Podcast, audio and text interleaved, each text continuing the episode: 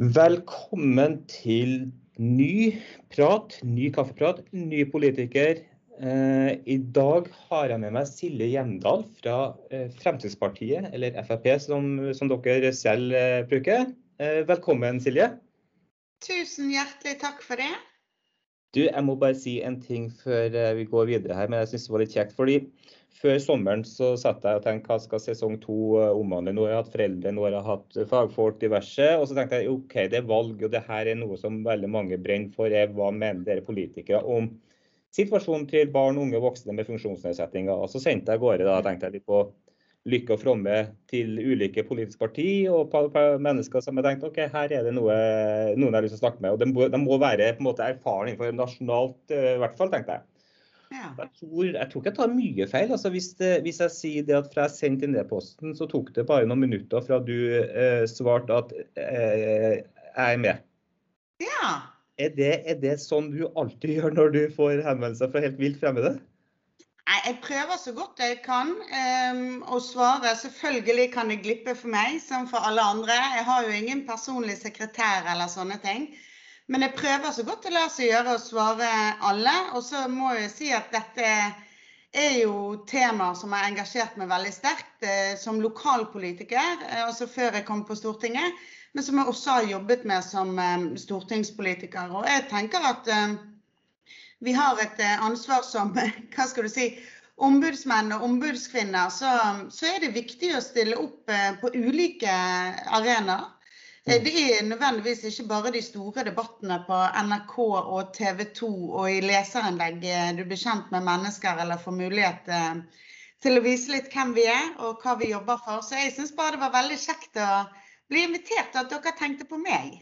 Ja, og, og, og, det, det syns jeg er kjekt. og blir, da ble jeg veldig sånn positivt. Da Da tenkte jeg ok, det her kan jeg få til da, når, når, du på en måte var så kjapp. Så skal jeg ikke si at det andre ikke var kjapp, men det, du, var jo, altså, du var jo i hvert fall noen hestesko foran de andre på og, og uproblematisk måtte si det her vil jeg være med på. Og, og det, det syns jeg er ufattelig viktig. Og som du sier sjøl, du har jo erfaring lokalt også. Du har jo sittet de siste fire årene på Stortinget, eh, og du har vært eh, i bystyret i Bergen. Og, og altså du har på en måte den lokale forankringa, og så har du den nasjonale. Men så sier du at det her er noe som, det temaet du brenner for, altså både nasjonalt, lokalt og nasjonalt. Men eh, hvorfor det? Kan jeg få spørre om det? Altså, er det noen grunn for det? Eh, jeg tror, hvis jeg skal være helt uh, ærlig, så selvfølgelig Dette er jo noe man har kjent til, altså som menneske. Fordi at man gjerne kjenner noen med en funksjonsnedsettelse, eller kjenner noen uh, som, uh, som, kanskje har en utviklingshemming, eller et barn med alvorlig sykdom som gjør at man, man trenger spesiell tilrettelegging. Mm. Men selvfølgelig også som politiker så leser man masse papirer og innspill og ønsker. Men kanskje først og fremst møte med menneskene selv, eh, om det har vært barna eller eh, foreldre, har jo gjort veldig sterkt inntrykk. Og nettopp alle disse møtene med enkeltmenneskene Vi sier jo det at eh, vi, vi, lager ikke politikk ut fra, fra, fra, enkeltsaker og enkeltmennesker. Men jeg vil egentlig si meg litt uenig med det. Mm. Fordi det er ikke sånn at vi politikere sitter inne på kontorene våre og, og, bare finner ut å her tror vi skoen trykker, eller dette systemet er det noe galt med. Det er nettopp de historiene familiene tar kontakt med deg eh, sjøl om eh, og forklarer både hva som er bra og funker i kommunen, og hva som gjerne er dårlig som gjør at du, du får eh, mer eh, si, opplysning om hvordan situasjonen eh, der ute er. Og så ja, har jeg da møtt en del veldig sterkt engasjerte foreldre. Og så har jo jeg selvfølgelig denne fantastiske gjengen i TV Bra, som jeg har kjent over noen år. Og disse som, eh, som jobber med Helt med og i SOR, som har vært veldig flinke opp mot eh, lokalpolitikerne, men, men, også politikerne nasjonalt. Ja, og det, det, må jeg si når du sier eh, at jeg på en måte fant deg. altså det, det var jo ikke vanskelig. Eh, fordi eh, altså jeg kjenner jo godt til TV Bra og, og de, den fine gjengen som, som, jobber der. Og jeg var jo direkte mm, opprørt over å se f.eks. hvordan de ble behandla, kalle behandla, da. Eh, ut ifra lovnader om å komme på statsbudsjett, og eh, den på en måte ble fjerna med et pennestrøk. Og så på en måte ser jeg en en politiker som ikke bare er politiker, men som måte, går inn så tydelig engasjert for en så viktig sak som veldig få egentlig bryr seg så mye om, da. Mm. Eh, som du gjorde. Og jeg vil jo, uten at jeg kjenner hele saken, så, så, vil jeg jo si at kanskje du var den viktigste årsaken til at de fikk gjennom en økonomisk støtte, mm. både nasjonalt, men også fylkes, altså på fylket, stemmer ikke det? Ja, eh, Nå skal jeg være litt forsiktig med å si i hva grad eh, fylket har vært inne før. Det har vært litt varierende. Og, og det samme med Bergen kommune. De har også til tider vært flinke å, å stille opp. Mm. Men det som var den klare forutsetningen, eh, altså første gang vi fikk eh, TV Bra inn på budsjettet, da mm. hadde jeg med meg Trine Skei Grande når hun var kulturminister til Media City for å mm. dele nyheten med TV Bra. Og Da ble det sagt i klar tekst at dette var en begynnelse. Ja. Det var derfor denne skuffelsen ble så mm. stor. Eh, når, jeg vet ikke om det var byråkratene, jeg tror faktisk ikke det var Abid Radia selv. Eh, selvfølgelig For statsråder så er det vanskelig å holde oversikt over eh, over alle postene på stats, eh, statsbudsjettet. Men når vi da utfordret, så, så, ble det sagt at eh, nei, første bevilgningen var en engangsbevilgning. Men da gikk jo jeg frem og hentet sitater mm. og viste til Man skal jo ikke mm, ta de interne diskusjonene som man har hatt i partiene. Men her hadde jeg finansminister Siv Jensen med meg hele veien i mm. at dette var en viktig sak. Og jeg opplevde også at Trine var ganske så klar på det. Mm. Så, så, jeg pushet skikkelig på. og og noen vil jo kanskje si at det gikk litt langt, men jeg mener det var viktig. Det er ikke alltid at det er de store prosjektene til mange milliarder man skal gå i krigen for. Eh, noen ganger så er det vel så viktig å ta kampen for de som kanskje ikke eh, har en, en, veldig sterk eh, stemme i systemet fra før. Og nettopp derfor syns jeg det var så viktig å fortsette kampen for TV Bra. For det handler nettopp om at de skal ha en mulighet til å fortelle eh, nyheter med sin egen eh, stemme. Mm. Så um, jeg er veldig glad for at eh, det løste seg, men jeg kommer selvfølgelig til å følge nøye med på neste års statsbudsjett. Jeg går ut ifra at en sånn dum blemme aldri mm. kommer å skje igjen.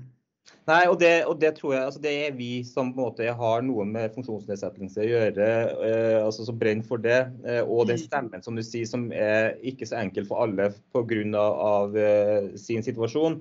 Så er vi veldig glad når det er på en måte politikere som deg som på en måte står fram så tydelig og kjemper for den saken. For det er jo ikke en, det er ikke en stor sak i det store bildet, men en ekstremt stor sak for det her miljøet. Og det som du sier, TV Bra, for de som ikke vet om det, så er det jo TV Bra en, en, en mediekanal eh, med TV-sendinger for og av eh, de med funksjonsnedsettelser som mm. driver. Og, og, og eh, en ekstremt viktig stemme, som du sier.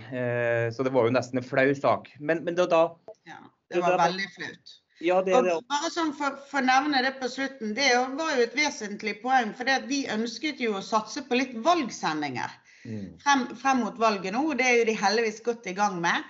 Eh, men, men, selvfølgelig, disse menneskene også stemmer. Og er mm. nødt til å fortelle om politikk og hva de er opptatt av på sin måte. Og vi har jo et veldig annet godt eksempel fra korona. Mm. Der stilte jo TV Bra opp faktisk selv og utfordret. Det var ved både statsministeren og helseministeren hva gjaldt disse overgrepene for, eh, for beboere eh, som ble nektet å få familie og venner på besøk under korona. Mm. Så det viser faktisk hvor viktig det er eh, mm. at folk nettopp får lov å fortelle ting med egen stemme og kan, kan utfordre. Så mm, jeg syns allerede at det har vist eh, hvor viktig disse pengene er. Ja, og det er det som du sier her, for det er det som er så viktig med TV Bra i det tilfellet her. Da. Eh, det er jo det der at vi kan prate for dem, men de må også få prate for seg selv. Og skal vi på en måte komme videre i forhold til holdninger, da, som jeg er veldig opptatt av også, så så må de få lov til å på en måte ha sine uttrykksformer og kanaler. Og, og her har du en, en ypperlig, ypperlig en. Og, og, når du nevner det med, med det som du eh, faktisk gikk ut og sa ganske eh, tydelig, altså det med umenneskeligheten rundt ja. disse med, med psykisk utviklingshemmede som bor i ulike boliger, hvordan de i koronaen ble nedstengt. Altså, det var rett og slett en skam.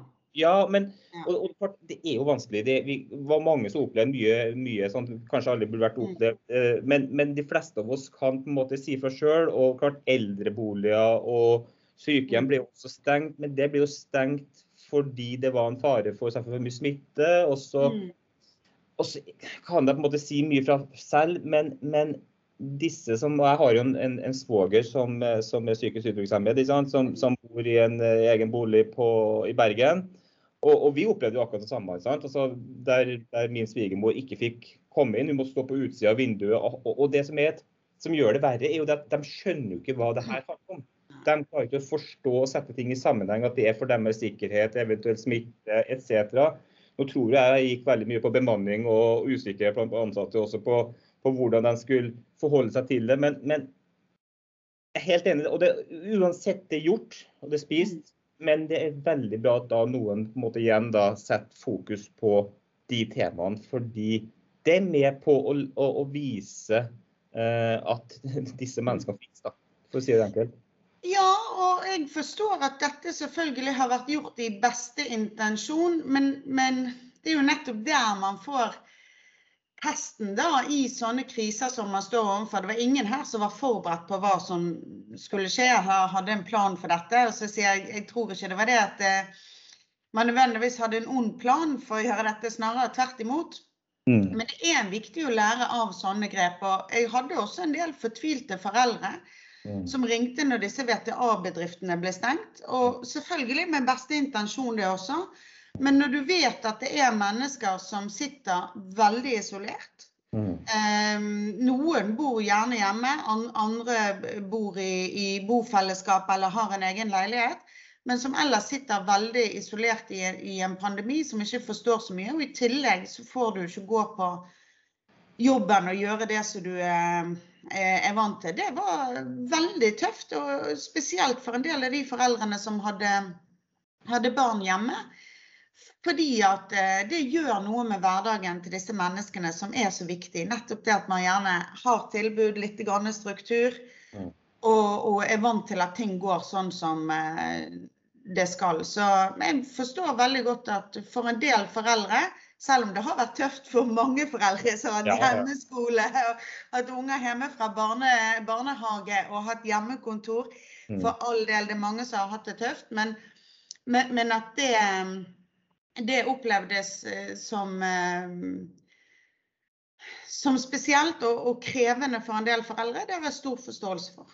Mm. Ja, og det er det som du sier, at igjen da så er det ofte en gruppe som er veldig rutineprega. Mm. Eh, og heller ikke kanskje den store dybdeforståelsen. Jeg forstår at samfunnet på en måte kanskje i store trekk er utsatt for en, en, en situasjon som er vanskelig. Mm. Igjen min, min svoger som, eh, som, jobber på, på kantinen på Han um, sto helt stille på en videregående skole i byen, eh, Årstad. Ja. Eh, ja? Og, og, har en, en, fantastisk dag fra åtte til halv, fire, nei, halv, halv tre. Og, og, og, for han så er rutiner ekstremt viktig. Så plutselig får ikke mor komme inn, og det blir i rutiner. Og så plutselig så om morgenen så går han på jobbene. Men sånn er det for oss alle mennesker. Jeg tror vi alle kjente på det. sant? Vi tar jo veldig lett på det at vi kan gå på jobb når vi vil, og noen ganger så kanskje ikke alltid det frister like mye når vinterværet er skikkelig dårlig. Vet jeg, oh, nå skulle jeg hatt hjemmekontor. sant? Og at vi kan gå på trening når vi vil, at vi kan besøke bestemor når vi vil, og invitere venner hjem på middag når vi vil. Vi tar jo veldig lett for det, altså lett på det. Og vi òg merket jo det når, når rutinene i vår hverdag, altså det at ingen savner deg mm holdt på å si på jobben, sant? eller at du får tilbakemeldinger. Det der at du får den der eh, lille praten med, med kaffemaskinen, eller at man sitter seg ned og spiser lunsj med noen. Sant? Det er nødvendigvis ikke bare jobben, jobben i seg sjøl, men det sosiale og menneskelige eh, rundt. Så jeg tror det, det Vi alle har på en måte kjent, eh, kjent på hvordan det er når vi, når vi ikke kan gjøre ting som vi tar veldig for gitt.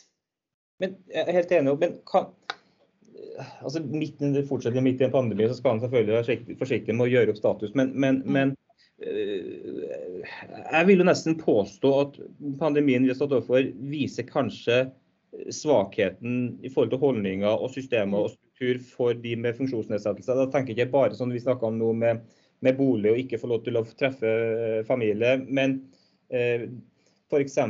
barn, alt fra skolebarn, barnehagebarn og oppover, mm. som, som spesialpedagogisk, eh, må ha spesialpedagogisk hjelp for å på en måte kunne utvikle seg videre. Altså Min datter Milla, som, som har danset går i, i tredje klasse, gikk jo mm. altså, nesten et år uten oppfølging. Eh, eller altså, i hvert fall mest store deler da, av den, den, perioden vi var stengt, så, så, så går hun uten eh, spesialpedagogisk hjelp. Og klart, eh, for storebror som også gikk på barneskolen, så mm. kunne han sitte og gjøre lekser og sitte på Teams. Det kunne ikke hun.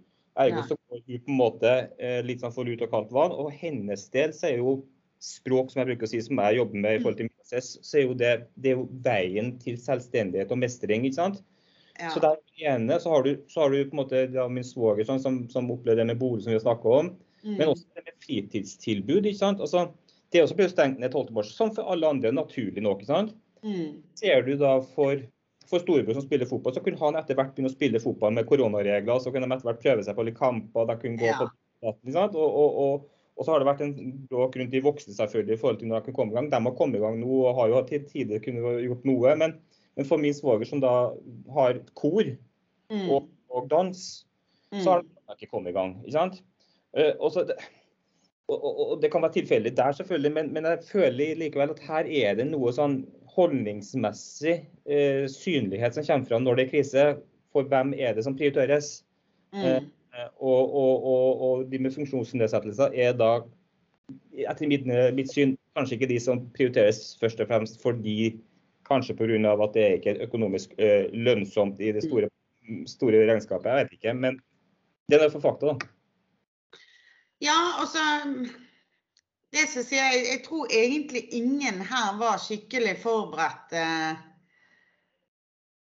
på det som skjedde. Eh, og så kan jo vi selvfølgelig diskutere hva som var riktige prioriteringer og, og ikke. Men jeg tror vi alle skal være ærlige på at eh, det gikk litt tid eh, før man liksom tenkte på Oi, mm.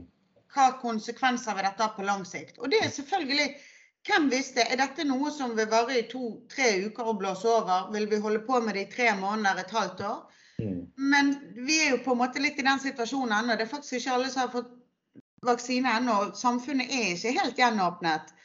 Så det var jo selvfølgelig vanskelig å vite. Men, men jeg utfordret jo på det, også både når det gjaldt holdt på å si enkelte litt, litt Jeg liker ikke å bruke ordet svakere grupper, men men, men, for de som nødvendigvis ikke hadde en stemme selv, da, om det var de som levde med vold og overgrep. Mm. Eh, eh, barn og unge som nødvendigvis ikke da hadde det så veldig greit eh, hjemme. Mm. Selvfølgelig dette med, med, med mennesker med, med utviklingshemming, og, og, som man så at det ble Jeg vil kalle det begått eh, menneskerettighetsbrudd overfor. Mm. Så så må man i hvert fall være ærlig på det, syns jeg. Mm. At uh, jeg skal være forsiktig med å si hva som var prioriteringene og hva som kunne vært gjort annerledes. Men det at vi må lære noe av dette, og at det var kanskje ikke der man hadde størst fokus til å begynne med, det syns jeg vi skal være ærlige på. Men jeg håper jo virkelig det at nå når vi skal holdt på å si, gjennomgå dette med pandemien Nå er det noen rapporter som er kommet og sånn, men det kan ikke bare ende med en sånn type festtale der vi, vi klapper hverandre på skulderen og, og, sier dette var en dugnad og vi sto sammen. Vi er nødt til å være veldig ærlige på eh, hva som ikke var så bra. Mm. Og det handler ikke bare om disse krisepakkene. For all del, jeg skjønner folk er opptatt av de også. Mm. Men jeg syns det ble veldig mye prat om innretninger på krisepakker, og hvem som fikk, og hvem som kom uheldig ut, og hvem som kom best ut, og alt sånt. Og selvfølgelig det òg er viktig. Men, men, det menneskelige med hvordan man håndterer en krise, er vel så viktig. Eh, og, og, og, det har jo vi sett opp gjennom hele historien. Eh, det er kanskje da folket også er mest villig til å akseptere veldig inngripende tiltak fra staten. Ja. Eh, og det, Vi skal jo på en måte være glad for at vi kan stole på norske myndigheter. Eh, men selvfølgelig skal vi være kritiske, og det skal være lov å være det skal være lov å stille kritiske spørsmål. Og det, hvis vi tror at Norge er så jækla god, unnskyld uttrykket, mm. da har vi egentlig feilet. Så selvfølgelig må vi være ærlige på det også. Ja, jeg er helt enig. Og, og, og Derfor synes jeg det er veldig bra Silje, at du, set, du, har satt ved flere anledninger fokus på det. Og, og både det som vi snakker om nå med, med umenneskeligheten i koronaen, eh, TV Bra, det engasjementet ditt der, og også da Helt med. Som mm -hmm. du og, dere har eh, hausa og, heia eh, fram. Og er det tiltak dere på en måte tenker er viktig for, for de med funksjonsnedsettinger? Ja, helt uten tvil. Eh, helt med. Eh, det er jo litt sånn Folk sier oi, ja, det er fordi at de holder til i Bergen. Men det er jo et nasjonalt prosjekt. Og de, ja. de kommer jo stadig flere steder. Ja. Men, men, eh, selvfølgelig, det er jo derfor jeg har besøkt dem med en rekke anledninger. Fordi at det var bedrifter i Bergen som, som hev seg rundt og ble med her. Ja. Og, og, gikk foran. Og jeg syns det er fantastisk å se. Mm. Eh, selvfølgelig bedriftseiere Mm. Og, og, og, ledere som går foran og, og, tør å slippe folk til. Eh, det er jo helt strålende. Mm. Men, men, ikke minst når du møter menneskene og får se eh, hva det betyr for dem. Eh, det var litt som vi var inne på i sted, dette med at liksom man blir sett. Mm. At man mestrer noe, at man har noe å gå til, at man møter venner, et sosialt fellesskap på jobb. Og hvis du er syk eller eh, noe skjer, så liksom er det noen som ringer etter deg. sant? Og, og når du ser den stoltheten, og så, så, du snakket om de som jobber i kantine, eller om det er de på sykehjemmen eller eh, på hotellet, mm. eh, så jeg syns jo det er helt fantastisk. Og det er mye god psykisk helse selvfølgelig også mm. i det å føle seg inkludert. og jeg tenker at selvfølgelig, jeg er veldig glad for at eh, vi, vi, har klart å styrke disse eh, VTA-plassene. Mm. Og for mange er det helt riktig. Mm. Eh, men, men, vi må være åpne og ærlige på at folk med funksjonsnedsettelser eller funksjonshemming har veldig ulike funksjonsnivå. Og da tenker jeg inkludering i, i ordinært arbeid, det er jo helt supert for de som, som ønsker det. Så vi må liksom strekke oss litt for å tenke at alle mennesker er unike og ulike. Det er ikke sånn at eh, holdt på å si, alle bergensere er make, eller alle rusmisbrukere er make, eller alle jenter er make. Eller de med utviklingshemming eller en funksjonshemming er make. Folk er forskjellige, og da må vi støtte ulike tiltak. Så, så når Fremskrittspartiet fikk på plass de ti millionene der, ja. eh, jeg skal si sjøl at jeg, jeg, var veldig forsiktig med å love noe. For jeg hater å skuffe folk. Ja.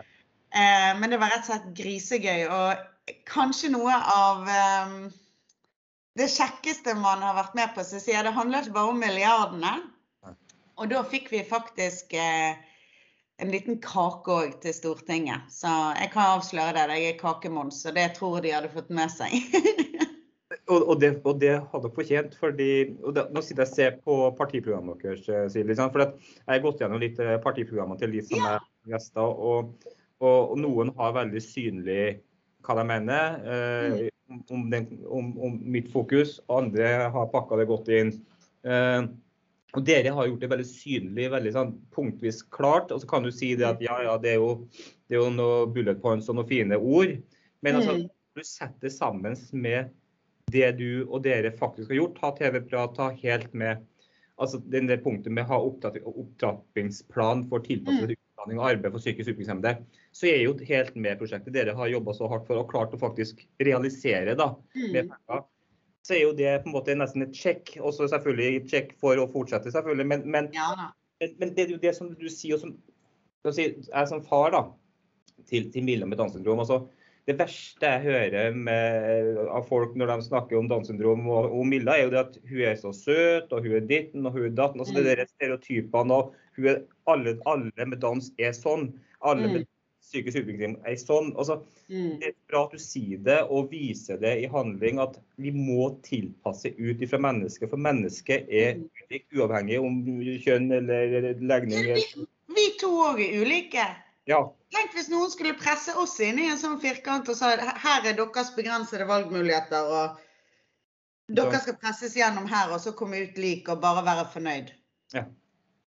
ja. det, går ikke. det går ikke. Og, og, og, og det, det, er jo liksom det som du kan si, det er jo det som er litt av frykten til foreldre når vi får barn med psykisk utvikling. Du, du, ser for deg løpet de neste to-tre årene som du gjør med barn generelt, det er jo selvfølgelig ti, men du ser løpet de neste 40-50 årene, og så ser du løpet etter at du er borte som forelder. sant?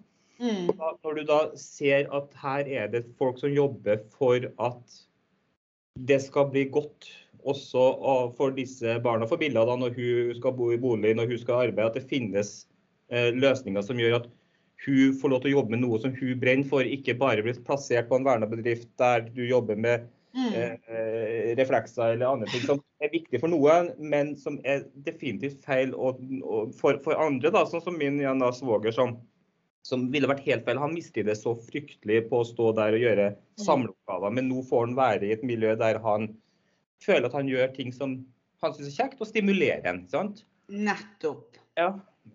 Og, det, og det, det, det, må jeg si også. det jeg tror ikke holdt på å si byråkrater eller politikere eller hva mener noe vondt med det, men, men jeg tror noen ganger at det er, altså, det er for lite kunnskap. Mm. Eh, kanskje først og fremst. Og, og, man vet ikke nødvendigvis om tilbudene som finnes der ute. Altså, det er klart det at selvfølgelig, Jeg vet jo mye av dette fordi at SOR har vært flink å informere. De har vært flinke å invitere på besøk. Eh, altså ikke bare debatter når det er valgkamp. De, de, er på oss politikere eh, hele tiden og inviterer til besøk eller en kaffe. Og, og, og da får du på en måte litt mer innsikt. Men, men jeg må jo si òg at selv om dette ikke skal bli noe veldig politisk kaffeprat, mm så er jo min erfaring òg at eh, etter hvert som folk får, får, vite om dette, så syns jo alle at det er, er, helt supert. Men det har litt med ideologisk holdning òg å gjøre. Altså, eh, jeg er jo et menneske som er veldig for at mennesker skal ha valgfrihet eh, i livet. Og at ikke alt skal være holdt på å si, offentlig eid eller styrt eller regulert. Mm. Um, og, og, noen ganger så kommer de beste initiativene også som en miks. Fra mm. det private, fra det ideelle, fra frivillige organisasjoner. Mm. Og jo da, noen ganger så er det kommunen som starter tiltak som er helt fantastisk. Sant? Men vi, vi, er nødt til å ha denne eh, miksen for å utvikle oss. Og så igjen, som jeg sier, for meg er det helt grunnleggende at også disse menneskene selvfølgelig skal kunne ha eh, valgmuligheter og valgfrihet i livet sitt. Fordi at hvis man, man sitter med en sånn holdning mm. eh, om at alle skal presses gjennom det samme systemet så lenge man får et offentlig tilbud, så er det mm. bra nok. Mm. Ja, da, da, har man egentlig sviktet fundamentalt, syns jeg, ja. eh, på hva som er eh, oppgaven eh, i en velferdsstat. Og så er det selvfølgelig ulike meninger om det, men da, da kom det litt politikk inn likevel. Selvfølgelig det er lov, Silje. Og da, da er det nysgjerrig, Jeg bare beit meg merke i noe som sa innledningsvis når jeg sa det med TV Bra og, og, og Abid Raja som på en måte ikke tok det med i, i, i, i budsjettet. Mm. Og så sa du at det var nok ikke hans hensikt, men det er kanskje noe byråkrati. sant? Da er vi litt over da, sant? hva du mener, og hva Abid Raja mener, etc. Mm. Uh, hvem vi stemmer på. Spiller det mm. rolle hvis det er byråkratiet rundt som påvirker, og hvor stor grad påvirker Sånne ting som det her, f.eks. Jeg er jo kjent for å være veldig ærlig, da. ja. eh, og, og, jeg tror eh, at det må jeg selvfølgelig også være her. Eh, selvfølgelig, politikerne har stor eh, innflytelse. Statsrådene har stor innflytelse. Mm. Men selvfølgelig, altså når du sitter med, med, milliardbudsjett, så klarer du ikke å gå inn i hver eneste post. Altså Det blir umulig. altså Uavhengig om du er Abid Raja eller eh, Trine Skei Grande eller Sylvi Listhaug eller hva. Altså, du klarer ikke å gå gjennom absolutt hver lille pott. Eh, men jeg må si at jeg synes um, det var merkelig at han eh, glapp. Ja. Eh, og så kan man jo spekulere i var det en byråkrat som, som, tok det ut, eller hvordan ble det. Men i hvert fall noe her har jo skjedd. Eh, og når jeg utfordret det på de første gangene, så sa de også at det ikke var en feil. Så noen har aktivt gjort dette. Og så skal ikke jeg Neida. Har jeg ikke lyst til å peke pinn på, på noen, men, men um, ja, om det var en politiker eller en byråkrat, det spiller egentlig ingen rolle. Det jeg syns var fint, det var det at man viste at faktisk på Stortinget mm. Det er der man egentlig bestemmer. For det er vi som bevilger penger. Så når vi da skikkelig trykket på her mm. um, Og det, det, løste seg ikke første dagen og ikke andre, og det tok litt tid. Mm. Uh, så gikk det seg til likevel. Men, men um, der òg tenker jeg sånn Eh, det er flere saker jeg har utfordret på. Eh, folket stemmer ikke på byråkratene, selv om mange byråkrater òg gjør en god jobb. Jeg skal ikke sitte her og snakke ned hele de offentlige etatene, for mange her gjør en god jobb. Mm. Men, men, jeg ser jo det spesielt på kunst- og kulturfeltet, eh, som jeg også jobber med. Og, og der har jo jeg tatt noen knallharde oppgjør. Eh, folk lo av meg til å begynne med, men nå kommer flere og flere til eh, som tør med sin egen stemme å fortelle om det som man, man opplever er litt sånn kulturelite eller kunstmafia, og der man enten er inne eller er ute. Og det er klart at eh, når da byråkrater sitter med enormt mye makt på hvem som skal få penger og ikke, og, og, og hvis man ser tendenser til at det er bare disse store organisasjonene som har råd til å ansette egne folk for å skrive søknader, ja, da mener jeg at da er vi på fryktelig, fryktelig feil vei.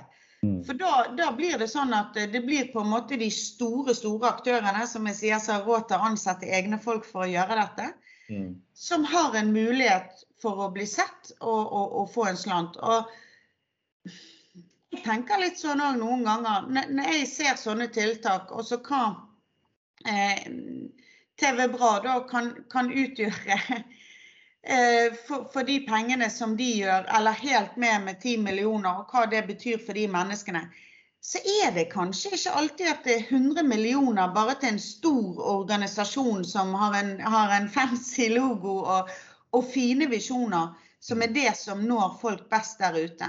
Så der tenker jeg at eh, jeg har en litt sånn, eller alle politikere bør ha en litt sånn vaktbikkje posisjoner. At ikke det går en automatikk i at folk får penger for å få penger, mm. men at det faktisk når folk der ute mm. og, og betyr en forskjell i folks liv. For det at vi ikke vi gir ikke penger for å holde, si, holde organisasjoner i liv på gøy. Eh, det er jo faktisk fordi at det, de skal bety en forskjell eh, for, for folk der ute. Mm. Så vanskelig å svare sånn veldig enkelt på, på spørsmålet ditt, men, men eh, politikere har et ansvar for å ta eh, styring over eh, budsjettene og prioriteringene. Mm. Og det tror jeg òg jeg skal være ærlig på. Mange politikere er redd for det. Mm. For skal du prioritere noe, så må mm. du prioritere noe vekk. Ja. Eh, og det må vi være ærlige på. Det er veldig mange gode initiativ og veldig mange som søker om penger fra staten til ulike tiltak. Og vi kan ikke gi til alt. Og da må du prioritere. Men da er kanskje noe viktigere og riktigere eh, å prioritere enn andre ting. Og så vil selvfølgelig folk være helt uenige. Ja, det Frp prioriterer, det er ikke riktig. og, og sånn, men, men, da må man på en måte tørre å, å stå for det. Og det, mm. det synes jeg er bra. Og der har du i hvert fall vist at dere har gjort en veldig god prioritering. da. Det må jo jeg personlig Jeg syns jo det, da. Det må jeg si. Men da, det, Jeg sa det med, med politikere da, og, og, og, vitsen med å stemme, men så sier jeg det at det har jeg tatt med de andre gjestene som har vært her. og det er jo eh, det er jo stortingsvalg og nasjonalt valg nå. sant? Mm. Og, og, så er det da spørsmålet. Min hverdag den omhandler jo selvfølgelig omhandler hva dere gjør nasjonalt, men hverdagen den omhandler hva som skjer lokalt. Altså Ja, i min kommune og hvem som på en måte styrer min kommune. Altså administrasjon, selvfølgelig. Litt samme som byråkrati antageligvis i, i forhold til Stortinget. Men, men, men, men, men hvordan kan dere gjøre at min hverdag blir sett og forbedra? Jeg vet dere har skrevet litt om det og sagt litt om det, men, men, men, men altså Litt sånn banalt da, eksempel, men det har med holdninger mener jeg igjen. da. Eh, når vi må for da skrive hver gang vi skal ha den ekstra stønaden for Milla? Eh, søke om den ekstra stønaden, så må vi ha legeerklæring på at Milda har Downs syndrom fortsatt. sant? Det her er jo svart humor blant oss?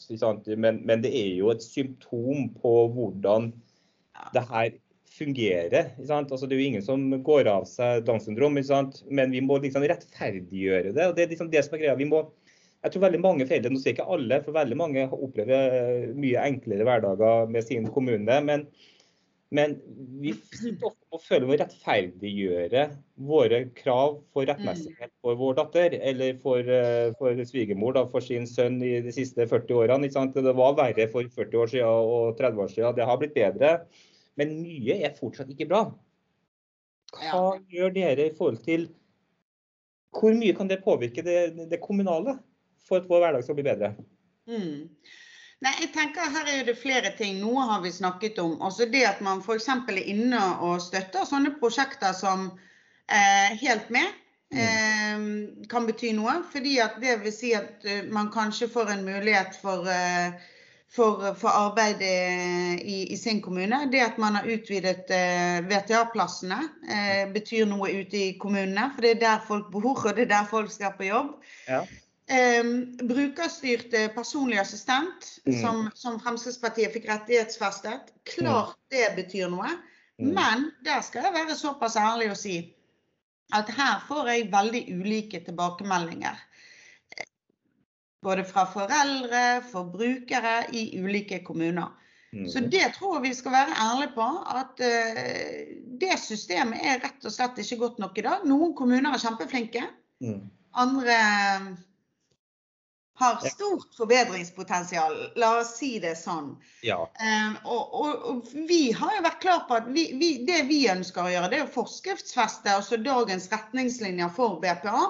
Mm. For å sikre at, at eh, holdt på å si, lovens intensjon blir, blir oppfylt. Og så vil vi at eh, eh, BPA skal rettighetsfestes som en, et likestillingsverktøy da, istedenfor helselovgivningen sånn som den er i dag. Og nå har jo det vært flere saker eh, bare siste halvåret, senest en på TV 2 hele dagen.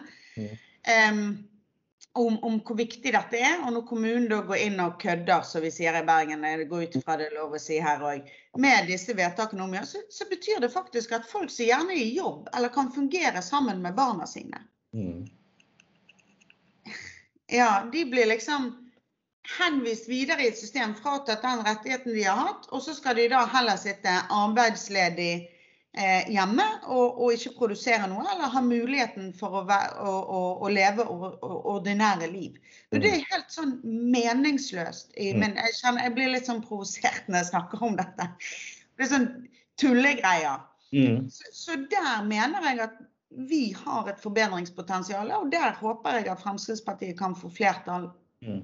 eh, neste periode for, for å rett og slett bare klargjøre dette. For det, det er rett og slett ikke eh, bra nok sånn som det er. Og da, bør du også få en sånn som vi på politikerspråket kaller eh, overslagsbevilgning altså til Nav. Sånn at ikke eh, kommunen skal sitte og si at å, vi har ikke råd til, til de tjenestene som, som du har hatt. Og så kan vi selvfølgelig da diskutere eh, antall timer og alt dette her. Det, det er mye her som på en måte ikke eh, er helt på plass. Men jeg- allikevel vil jeg understreke at jeg er veldig stolt for at vi fikk rettighetsfestet det. For det var i hvert fall et enormt viktig skritt i, i, i riktig retning. Og så handler jo det om eh, eh, den TT-ordningen. Nå får ikke jeg like mye henvendelser på den som jeg gjorde som fylkes- og, fylkes og kommunalpolitiker. Eh, men det er jo litt. Eh, og det har jo vi også eh, nevnt i, i, programmet, siden du så du hadde kikket på det. Eh, så handler det om å, å, å, rett og slett lage en sånn nasjonal eh, TT-ordning eh, for personer med, med stort transportbehov som har en funksjonsnedsettelse. Mm. Og det er fordi at vi vet at her også er det lokale forskjeller. Mm. Og for mange så, så betyr det så mye i den hverdagen om det å komme seg gjerne på en jobb eller eh, til lege eller en fritidsaktivitet, mm. eh, så er det gjerne det som gjør at eh, eh man føler seg eh, man føler seg inkludert. Det er ikke alle som kan kjøre bil sjøl eller hoppe på Bybanen. Og igjen, som du sier, folk bor over hele landet og i ganske ulike kommuner. Så selvfølgelig, det vil jo kunne bety noe, sant? Hvis, du, hvis du får på, på, plass noe sånt. Og så handler det om, om boliger. Nå har vi sagt at eh, brukere som har krav på, på, BPA, de skal kunne kreve en, en, egen bolig, og da senest innen man fyller 25 år. Mm. men, men, selvfølgelig, her må jo man være eh, mer ambisiøs, og spesielt eh, Eh, for enkelte av, eh, av eh, gruppene, tenker jeg. Og der har jo kommunene mm. et veldig stort ansvar. For det at én ting er å være med og finansiere og dukke opp, men eh, kommunene noen steder bruker jo veldig lang tid mm. eh, på å behandle mm. eh, søknader. Og så kommer reguleringsprosesser, byggeprosesser og alt sånt. Så jeg vet jo og kjenner til flere foreldre sjøl som mm. bare har gitt F i ja. kommunen fordi de er møkk lei. Mm. Eh, fordi at de er opptatt av at barna deres skal få et sted å bo.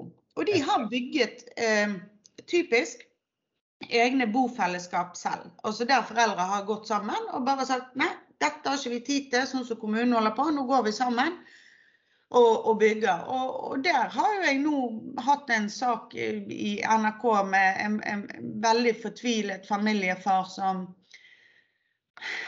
sto frem. Sant? Da var det liksom staten og byråkratiet på andre siden da, som skulle skattlegge dem fordi at ikke de hadde riktig alarmsystem. Ja, det så jeg. Ja. Ah, altså, du blir helt sånn Du blir helt matt. Men eh, nå har NRK virkelig presset på i den saken, og jeg har hatt flere skriftlige spørsmål. Og ministeren har lovet å se på det, og vi fikk også understreket litt her i budsjettene. Så jeg har all grunn til å tro at han vil ordne dette. Og hvis ikke, så får vi rett og slett eh, eh vedta nye, nye, nye, regler for dette eh, når nytt eh, storting eh, settes. Men jeg tror ministeren har fått såpass klar beskjed eh, om å ordne opp at eh, jeg er optimist og tror at kanskje det kommer på banen. Men, men, det er nok et sånn eksempel på noe som gjerne bestemmes nasjonalt, og så skal man implementere det og jobbe med det lokalt. Og så har da foreldrene flere kamper. Sant? De har mot Nav, de har mot kommunen, sant? og så er det skattemyndighetene. Mm. Eh, jeg skjønner jo for mange av disse foreldrene som har mer enn nok å henge fingrene i fra før. Det er veldig slitsomt å føle at du på en eller andre måten hele tiden skal ta en sånn kamp mot, mot det offentlige, og som du sier hele tiden måtte dokumentere og grave seg ned og øh, følge opp alle mulige offentlige instanser. Og det blir litt sånn, Da har du gjerne av og til noen organisasjoner som tar kampen, sant? men det er jo ikke alle foreldre som har orken eller ressurser til dette. Nei, og Det er jo en utfordring, Silje. for Da er vi litt igjen fortsatt på kommune. Da, men altså, det jo, og det har du vært inne på, er jo, eh, det er jo Forskjells-Norge. ikke sant? Altså, det er jo ja. avhengig hvilken kommune du bor i forhold til hvilke tjenester du får. Og det, kan det blir postnummeret som avgjør. Ja, det er det. Og det kan være altså, om du bor i Bergen, så får du, men hvis du bor i Øygarden, så får du ikke. Men det kan også være forskjell på hvor i Bergen du bor, eller hvor i Oslo du bor, i forhold til bydeler. Ja, og, og, hva er det som gjør sånne forskjeller, og hvem er det som på en måte kan fjerne de forskjellene når det gjelder i forhold til BPA-ordninga eller mm. eh, logopedordninga, som er en, en hot potet også i forhold til om du får logopedi eller ikke. Eh, altså, det var eksempler, da, men dog Mm. De, altså fjerne de skillene. fordi at Hvis du går på forum til ja, bl.a. Downs syndrom-forumet, men også sikkert også andre forum, så ser du jo den frustrasjonen hos foreldre. At de ser oi, de får logoped, se den utviklinga av det barnet her. Og så Mm. møter de seg i kommunen og sier nei, det har ikke du krav på. Eh, Og så sier de men vi, det er greit, men kan vi få privat? Nei, det kan dere ikke få. Så, skjønner du, altså, det, hva, hva er det som kan, skille, hva som kan fjerne det skillet? Kan nasjonalt fjerne det skillet? Kan dere gå inn og fjerne det skillet? Nasjonalt kan gjøre noe. Det er der sier altså vi bør Vi bør eh, altså forskriftsfeste de, de, de retningslinjene som i dag er, eh, og, og fortsette å pushe på den. Og så tror jeg at det er riktigere å få den inn mot, som et type likestillingsverktøy. Mm. Ehm, og, og kanskje vi også kan, kan gjøre noe mer nasjonalt her. Og jeg tenker at et annet viktig stikkord i dette er jo faktisk eh, dette med at, eh, at man skal ha muligheten til å velge Mm. eh, selv tilbyder. Og her er igjen en sånn ideologisk forskjell. Noen mener at det er kun offentlig tilsatte eller folk fra, fra det offentlige eh, som skal tilby disse tjenestene. Eh, jeg vet av erfaring eh, med så mange som jeg har snakket med, Mm. at de hadde aldri hatt samme tilbudet hva gjelder BPA. Hvis ikke de i sin kommune hadde åpnet for at du f.eks. kunne takke ja eh, til eh, noen som, som jobber for dette eh, privat. Ja. Så, så det at man også her får den valgfriheten, og at det, det bør faktisk, det mener jeg, det bør man vedta nasjonalt. Mm. Fordi at eh, da blir det veldig sånn fra gang til gang. OK, er det Arbeiderpartiet og SV som hater private som styrer kommunen, eller er det Frp og Høyre som er mer vennlige mot eh, private? For å gjøre et litt sånn dumt eh, eh, eksempel. Men, men da får ikke foreldrene den forutsigbarheten.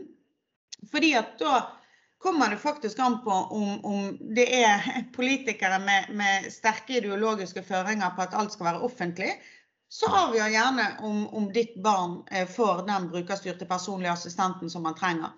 Og, og det der mener jeg er noe tull. Her burde man bare lagt ideologi bak seg, selv om jeg har respekt for at ulike politiske partier har, har ulik tilnærming. Så burde man her bare vært enige om at det viktigste er at vi faktisk følger opp eh, disse rettighetene, og at folk får hjelp.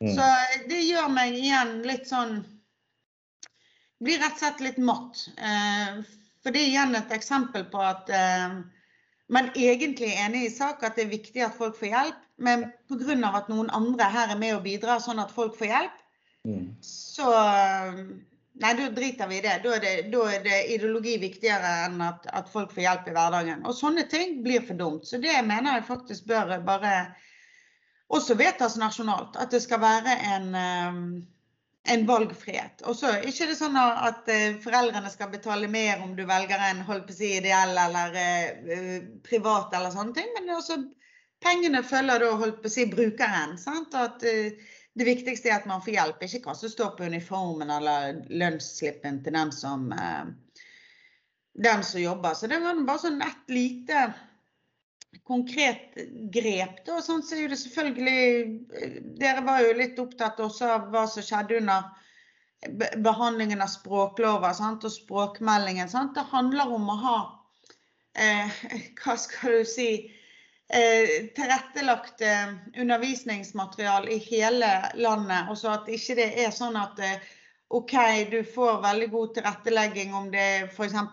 symbolspråk eller hva som em, eh, Om du bor i Bergen eller Oslo, eller om du, du bor i Austevoll eller eh, Austrheim. sant?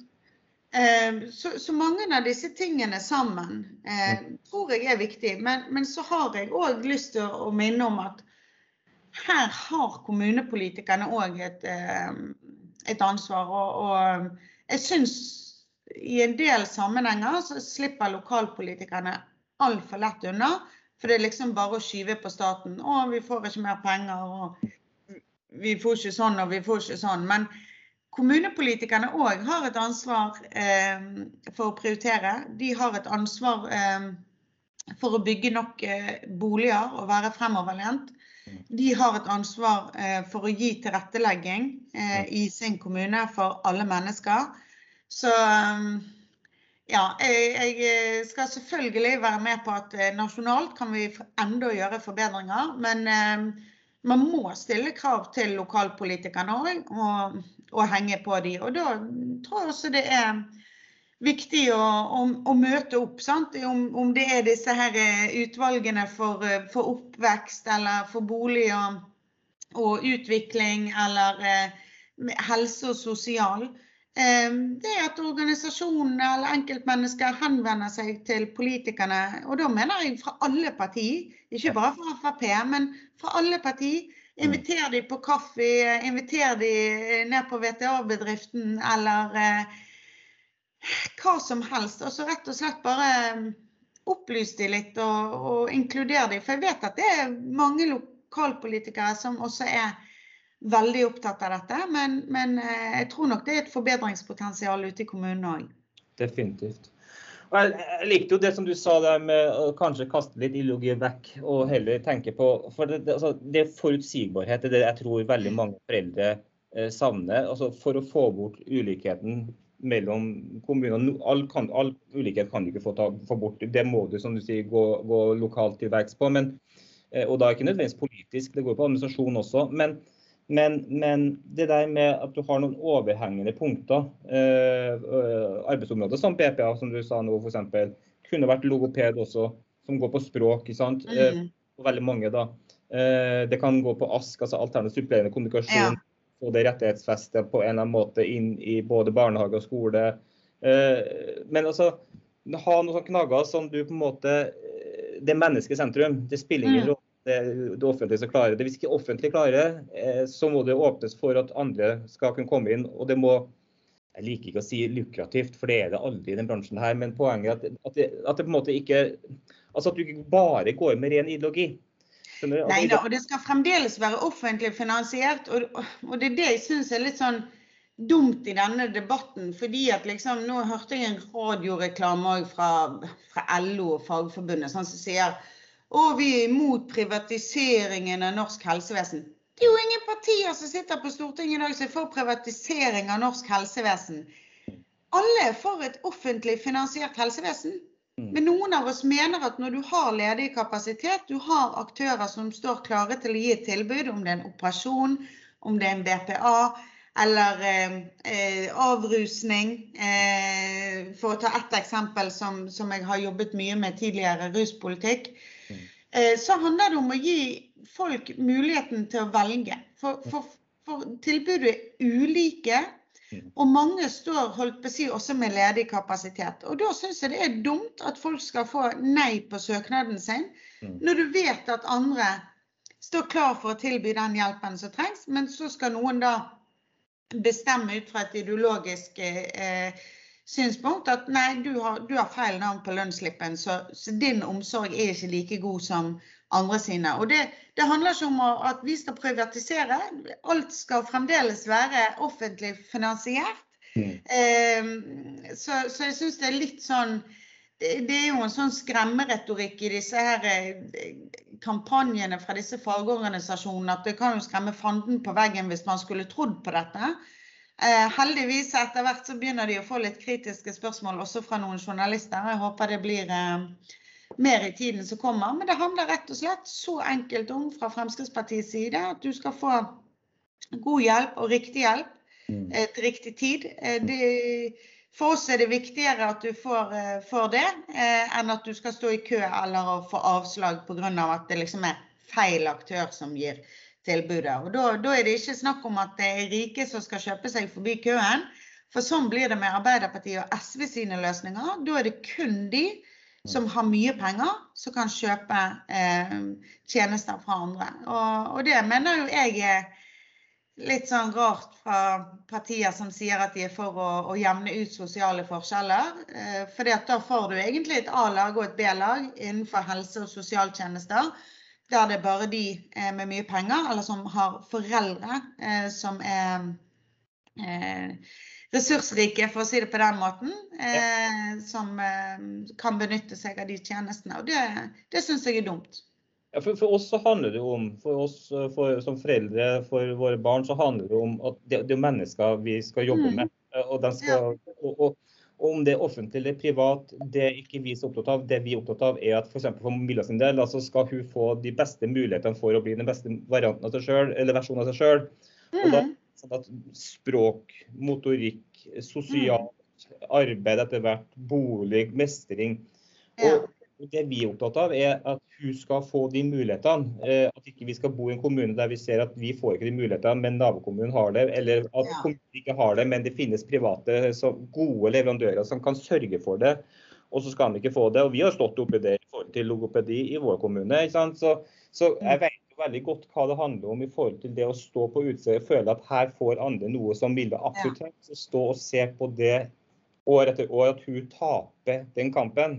Mm. Og det er dyrt for samfunnet når hun altså Etter hvert som årene går, hvis ikke hun blir god på språk, og sitt språk, mm. så vil det bli en, en, veldig stor kostnad for samfunnet. Da. Eh, etter hvert. For selvstendighet. Mm.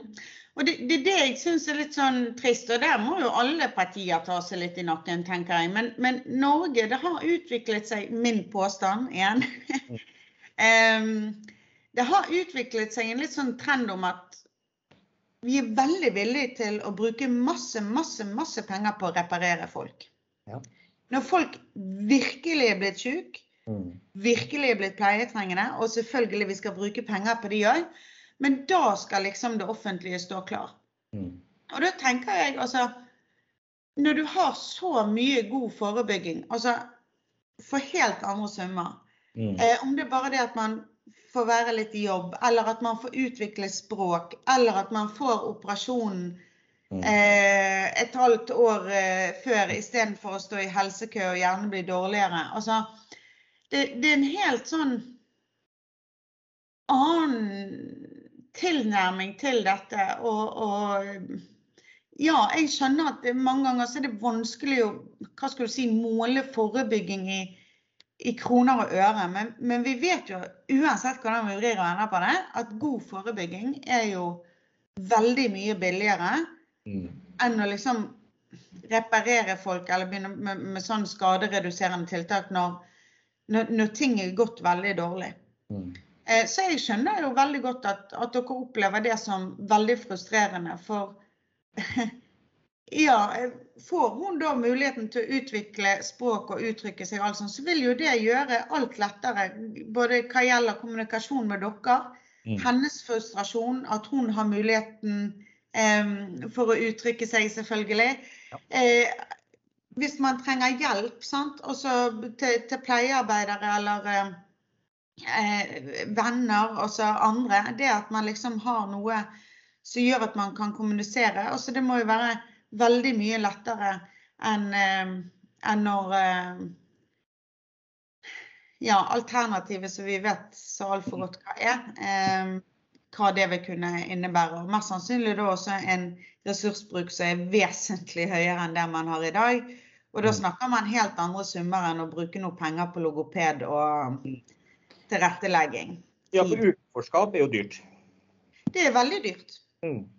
Og det gjelder jo alle mennesker. Også om det er om, om det er si, folk som detter ut av, av, eh, videregående, om det er folk som ikke blir integrert i landet vårt, om det er folk som detter ut av arbeid eller som aldri blir inkludert. Altså Utenforskap eh, koster mye. Og én ting er jo den fysiske eh, kostnaden med det noen ganger, men den psykiske. Og det er jeg veldig glad for at vi har fått mye mer fokus på, på psykisk helse i dag. Eh, men det er gjerne en, en, en vel så dyr kostnad. Eh, både menneskelig eh, og samfunnsøkonomisk. Mm. Eh, så Nei, det er veldig utfordrende. Så, så jeg, jeg syns en del ganger så er man for opptatt av denne silotenkningen. Sånn, 'Å ja, nei, det hører hjemme i den siloen. Det, det hører der, det hører der.' Og så blir du liksom sendt gjennom alle disse kontorene og instansene mm. for at alle har ikke lyst til å ha det på sitt budsjett, sant? fordi at de har noe å gå etter. Så burde man altså noen ganger bare satt seg ned og bare blitt enige om at dette er viktig, dette er riktig. Eh, sånn skal vi hjelpe denne familien. Og det har jo Fremskrittspartiet vært en, eh, en pådriver for. Og det er jo, det er jo noe nå eh, regjeringen eh, også har jobbet litt med. Det at man rett og slett skal være tettere på familiene. Mm. Og, og, eh, som en del av dette eh, holdt på å si, lik, likestillingsløftet eller inkluderings... Eh, jeg husker ikke, Det er så mange sånne reformer og handlingsplaner at som prinsippet er i hvert fall det samme. Ja. At man skal være tettere på familiene, og at man skal slippe å forholde seg til ti ulike instanser nødvendigvis. At det blir på en måte en som følger familien og, og, og kan veilede og En koordinator, da? Yes, koordinator. Ja, for det, ja, for det snakka jeg jo med hun fra KrF, Toril uh, Selsvold, om i forrige sending. ikke sant? Altså, for det, ja, for det, jeg har jo fra jeg starta med Mila Cess egentlig, og fra jeg begynte å engasjere meg for, for barn, unge og voksne med funksjonsnedsettelser, og etter spesielt når jeg hadde den kaffepraten, så, så, er det noe som går igjen. Og det er noe som eh, far til eh, Mariken skrev en bok om for mange år siden da han fikk en datter. og Han var da journalist. Eh, og kona var da eh, jurist. Og han sa takk, takk Gud nesten for at jeg er journalist og min kone er jurist, fordi, fordi det kreves nesten skal du være foreldre til barn med funksjonsnedsettelser. Altså, Du skal være jurist, journalist, du skal være sosiolog og du skal være spesialpedagog. og Du skal være hele den pakka og du skal stå på barrikadene. Sånn. Og Det er du som forelder uansett. Ikke det, altså, det, det er ikke noen store forskjeller nødvendigvis, men forskjellen blir jo når du skal på en måte finne de tilrettelagte mm. løsningene som er best mulig for at du skal få, ditt barn skal få samme muligheter som storebror eller lillesøster. Mm. Og Det tror jeg er veldig veldig mange som savner. Den jungelen av løsninger er det altså, Bare ta et eksempel. da. Skal du ha et språklig hjelpemiddel, som Villa Sets f.eks., så var det, og det har heldigvis og forhåpentligvis blitt bedre etter hvert, eh, men, men før så så, så, så, så Nav på Milla Cess som et indirekte hjelpemiddel for språk. Mm. Da er det kommunen sitt ansvar. Altså Da går det på læring av nettverket til at de skal bli gode på mitt språk, altså tegn til tale, eller Milla sitt språk, sånn tegn til tale. Eh, men hvis det har vært et direkte, altså noe hun kan trykke på sjøl, så er det direkte, da kan Nav støtte det. Da, da, er det Nav. Men det her skal da foreldre sette seg inn i. Hva er indirekte? Hva er direkte? Eh, jeg bruker å si Jeg beklager at jeg ler, men dette illustrerer jo hvor teit det noen ganger blir når systemene skal bli for komplisert. Og da er det liksom Det er systemene da som skal stå i fokus, sant? det er ikke menneskene. Mm. Og så skal du orientere Altså, jeg tror faktisk sannheten er Mm. At veldig mange av oss politikere mm. eh, og byråkratene som har vært med å lage dette, mm. måtte hatt hjelp sjøl mm. for å orientere seg. Ja. ja. ja. Og det, det, det, det, tror jeg er riktig. og eh, det her er bare et eksempel på liksom, for, altså, Er det stat eller kommune du skal på en måte ta her mm. kontakt med, så kjenner du til kommunen, og så er det, er, er, det, er det oppvekst eller er det omsorg eller er det altså, skjønner du, altså, og, og, og, sånn bør det sikkert være. Det er ikke det at systemene ikke er rigga riktig, men det er bare det at foreldre ikke er rigga til å forholde seg til det. Og, og du, de, du, føler at du hele tida ligger på etterskudd. Mm. Uh, og, jeg tenker en ressursperson, uh, om den er kommunal eller regional, mm. eller hvor den ligger, men altså, det er ressurspersoner som følger barnet fra, fra vugge til grav, nesten, altså, for å si det sånn, mm. som gjør at det som veldig mange foreldre, som jeg sa innledningsvis, eh, når du får et barn med funksjonsnedsettelser, så, så, så, så, begynner du allerede på, i hvert fall gjorde jeg det fra, fra Haukeland, eh, ja. så begynner du å tenke livsløpet med en gang. Du klarer ikke mm. å vite eh, at du har fått et barn, for du begynner med en gang å tenke fordommer, livsløp, mm. hele pakka. Hvis du har bare fått på sykehuset, da, når, når, vi har fått bilder, har kommet en person og sagt vet du hva, jeg er deres koordinator fra nå, mm. og så lenge jeg som sagt er ansatt, da, men dog, altså, så har vi tenkt yes, da kan vi være foreldre. Da er det noen som ja. kjenner systemet, noen som, noen som, vet hva vi skal ha og hva vi trenger. Mm. Og kan sette oss i kontakt med riktige mennesker og guide oss. Og da tror jeg også du får bort mye av det her skillene eller ulikhetene mellom kommunene og regionene. Ja. fordi det må være et nettverk med kompetente mm. mennesker som er koordinatorer, som, som ikke bare er, sitter på hver sin tue lokalt, men som samarbeider nasjonalt og regionalt. Mm. Men, ja da, eh, så jeg, jeg, tror dette er en veldig riktig eh, likeverdsreformen, var det vel? Ja. Likeverdsreformen, ja. ja. Eh, eh, det, jeg, det kan glippe litt for oss politikere. Ja. Men jeg syns det er veldig viktig, og, og jeg tror det er en eh, riktig måte å, å tenke på. For det, det er jo et innspill vi ofte har fått, om det var fra organisasjoner eller enkeltmennesker eller familie, så er jo det en av tingene man da gjerne har etterlyst. at det, det er blitt for vanskelig å orientere seg i. Og så du sier man skal være sosialarbeider, lærer, advokat og, og, Mm. og, og eh, ditten og datten i tillegg til å være forelder. Um, Ja.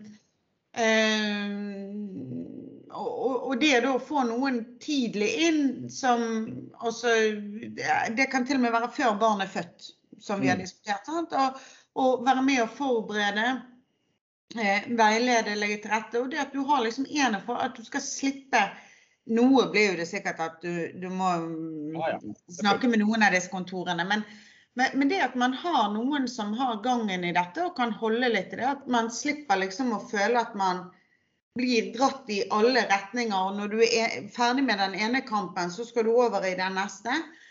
Em, altså, jeg må jo bare si at jeg er veldig Nesten litt sånn eh, Kan dette litt ut når jeg ser også hva foreldre klarer å stå i. Og det er helt utrolig hva vi mennesker klarer å stå i når, eh, når vi må. Men, eh, men det er liksom ikke snakk om å bare være forelder lenger enn 18 år. Altså det er jo faktisk altså Jo, man er forelder i utgangspunktet 24 timer i døgnet. Men, men, men her snakker vi om noe helt annet. Mm. Eh, så jeg må si jeg er full av beundring for mange av disse menneskene. For hvordan de egentlig klarer å stå på beina noen ganger, det, det har jeg lurt mer enn én gang på. Ja, og det er jo noe med det som du sier, Silje. altså klart Krisa, jeg kaller det krise da, for veldig mange, selv om den er kortvarig, langvarig og du kommer over det. Men altså, ekstremsituasjoner, da, nye, brå situasjoner, Ja. Det, det, det får jo fram på en måte styrken i alle mennesker. Jeg tror alle mennesker klarer det og har det i seg, men det er bare hvor lenge skal du stå i dritten, hvis du kan kalle det det. Når skal du få begynne å nyte? Eh, og jeg tror at en sånn likeverdsreform som, det, som, som, som uh, KrF snakker om, som du snakker om, og den koordinatoren, Mm. Kjempebra. Men så er jeg da litt sånn nysgjerrig. Når en sånn likeverdsreform, der det også snakkes med en sånn koordinator, blir Mm.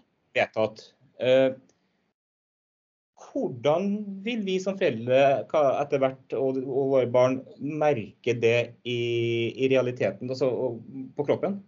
Mm. Hvordan blir det satt ut i livet? Nei, nå må jeg si at uh, siden vi gikk ut uh, av regjering, så er ikke jeg like tatt på den uh, reformen nå sånn som jeg var. Men, men nå ligger jo det allerede noen forventninger til hvordan det skal bli. Men jeg tror jo her òg at én ting er jo holdt på å si å vedta ting eh, politisk. Den tøffeste jobben mange ganger er jo å klare å implementere og få det ut. Ja. Eh, så um, her tenker jeg egentlig det handler vel så mye om, om informasjon og, og inkludering, og det at man har holdt på å si kontakt med, med, med brukerstemmene. Mm. Altså pårørende og, og eh, holdt på å si de det, de det gjelder selv noen ganger, og, og organisasjonene og de som jobber tett på. Mm. Og at man her eventuelt er flink å, å prøve å justere eh, Mm. kursen hvis man ser at eh, på en måte eh, ting ikke fungerer sånn som har, eh, har vært eh, hensikten. Og så blir det litt sånn spennende, da. Altså hvem, hvem vinner valget? Hvem vil videreføre hva, eller hvem skal liksom finne opp eh, kruttet på nytt og sånn. Og, så, så jeg tror eh, det viktigste her er at det nå er en forventning om eh, at det blir eh, eh, som koordinatorer, at og at det skal være eh, en, en reform som, som folk skal merke på dette. Mm. Eh, og, og da at man presser, eh, så sier uavhengig av hvem som vinner valget, eh, presser på de ulike partiene for at dette eh, følges opp. Mm.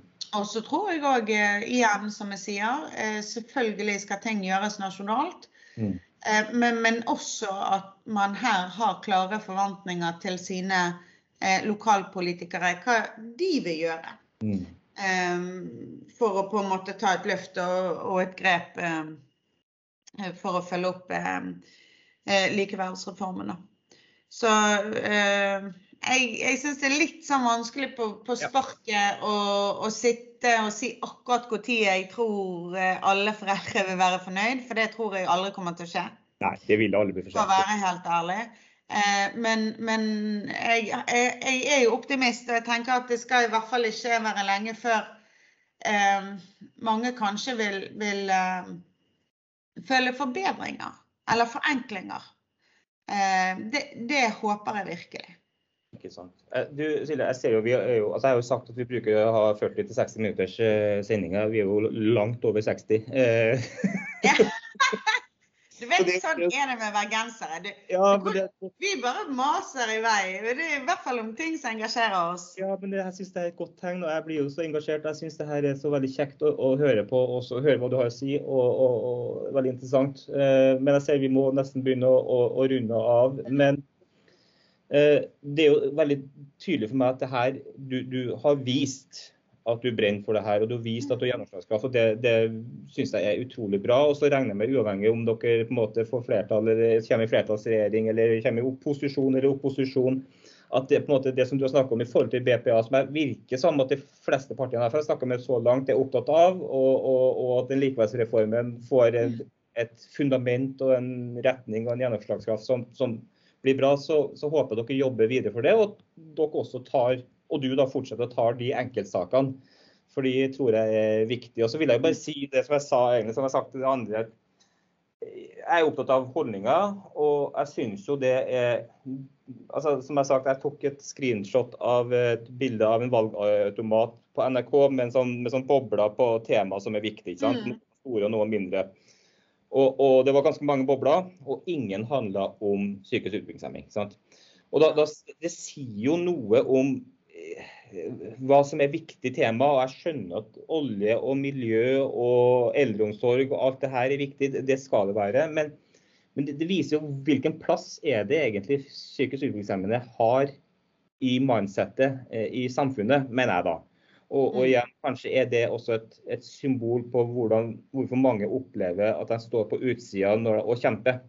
Eh, heldigvis så har du sånne som deg som da tar de sakene som er TV-bra og helt med, som er enkeltcaser, men som er så ekstremt viktig. Eh, og så tenker jeg det at det er vel også noe med medias fokus i forhold til hva som blir deres fokus. Og Du sa jo litt om det sjøl også i forhold til TV-bra og, og, helt med altså det der med å bli gjort oppmerksom på det. Og jeg tenker Det må jo folk være seg bevisst, både organisasjonene og enkeltmenneskene, at de passer på å, å, å melde fra sine situasjoner. Mm. Sånn at dere blir oppmerksom på det. ikke sant? Så... Ja, nei, Jeg tror det er helt, eh, helt, avgjørende. For det som sier at det ikke er sånn at politikere sitter på kontorene sine og, og vi bare får åpenbaringer om hva som må til der ute i, i samfunnet og lokalsamfunnet der eh, folk bor. Vi er faktisk helt avhengig av å få tilbakemeldinger fra folk flest. Eh, om det er det ene eller andre, om det er store eller små saker. Um, og det kan jeg i hvert fall love at jeg skal fortsette å være en ombudskvinne uh, som også bryr meg om Ehm, eh, de små eksemplene og enkeltmenneskene. For jeg mener at det er kanskje det aller viktigste for at du skal klare å løfte eh, de store debattene om hva land vi skal. Det tror jeg er helt, helt riktig. og det, det, er Uavhengig av hvordan valget blir, så tenker jeg det må være et fokus hos folk. At de passer på å mm. bruke media, passer på å dele historiene. og Sånn at du, om du er i posisjon eller opposisjon, eh, får muligheten til å få innsyn, sånn at ting kan endres. Jeg tror det på en måte er, Når du er en liten gruppe, ikke stor lobbyistgruppe, så tror jeg det er vekt på. Nei, det høres veldig bra ut. Og jeg syns det var veldig kjekt at eh, du inviterte meg sjøl. Jeg eh, er, som du hører, veldig glad i å prate med folk. Jeg syns det er veldig kjekt. Og så syns jeg at noen ganger med disse her intervjuene, selv. Nå skjønner jeg at det er hektisk for mange, men om det er valgomater eller at de skal tern, kall, kaste terningkast på partiene, så ser jeg mange ganger at det er jo vi har gjerne ikke fått frem alt. Sant? Det er gjerne ikke alt som står i partiprogrammet. Så kan du vise til ting du har klart å få til i budsjettene, eller saker jeg har fremmet på Stortinget som jeg har klart å få flertall for, som angår deres sak. Så du får på en måte ikke et bilde av hvem partiet er, eller personen i partiet, bare med å, og, lese et partiprogram. Så jeg syns det er veldig kjekt at dere tar dere litt tid til å snakke med oss politikere eh, om et tema som opptar dere. For da har dere selvfølgelig mulighet for å sitte fokus på det som dere er opptatt av, men òg at vi får en mulighet med egen stemme å, å fortelle hva vi, eh, hva vi, står for. Så jeg syns det var et ganske kult konsept. Men Det er godt å høre. for jeg er helt enig. Det kan bli for mye terninger, og det kan bli for mye ønske om å tviste. og Det er ikke jeg så opptatt av. Jeg er opptatt av hva kan vi framover gjøre for at det som jeg brenner for, da, blir et bedre og bedre fokus på. og i stedet for å, å, å sette dere fast. Det kan andre gjøre. Så skal vi synes det er mer interessant å, å, høre hvem du er, Silje, og hvem dere er, og, og hva dere jobber for. Det, som jeg igjen sier, jeg syns det er ufattelig bra det du har gjort, og jeg bare håper du fortsetter med, med det. Jeg håper jo å bli gjenvalgt 13.9. Jeg tar ingenting for gitt, så nå skal jeg snart videre i debatter. Men eh, vi kan si det sånn da, at eh, hvis jeg blir gjenvalgt, så får jeg invitere deg på sånn kaffedrøs på Stortinget på høsten når ting åpner igjen. Det har vært veldig kjekt å ha deg stille. Jeg stiller, jeg, Ja. Tusen takk for at du i hvert fall stilte den kaffepraten.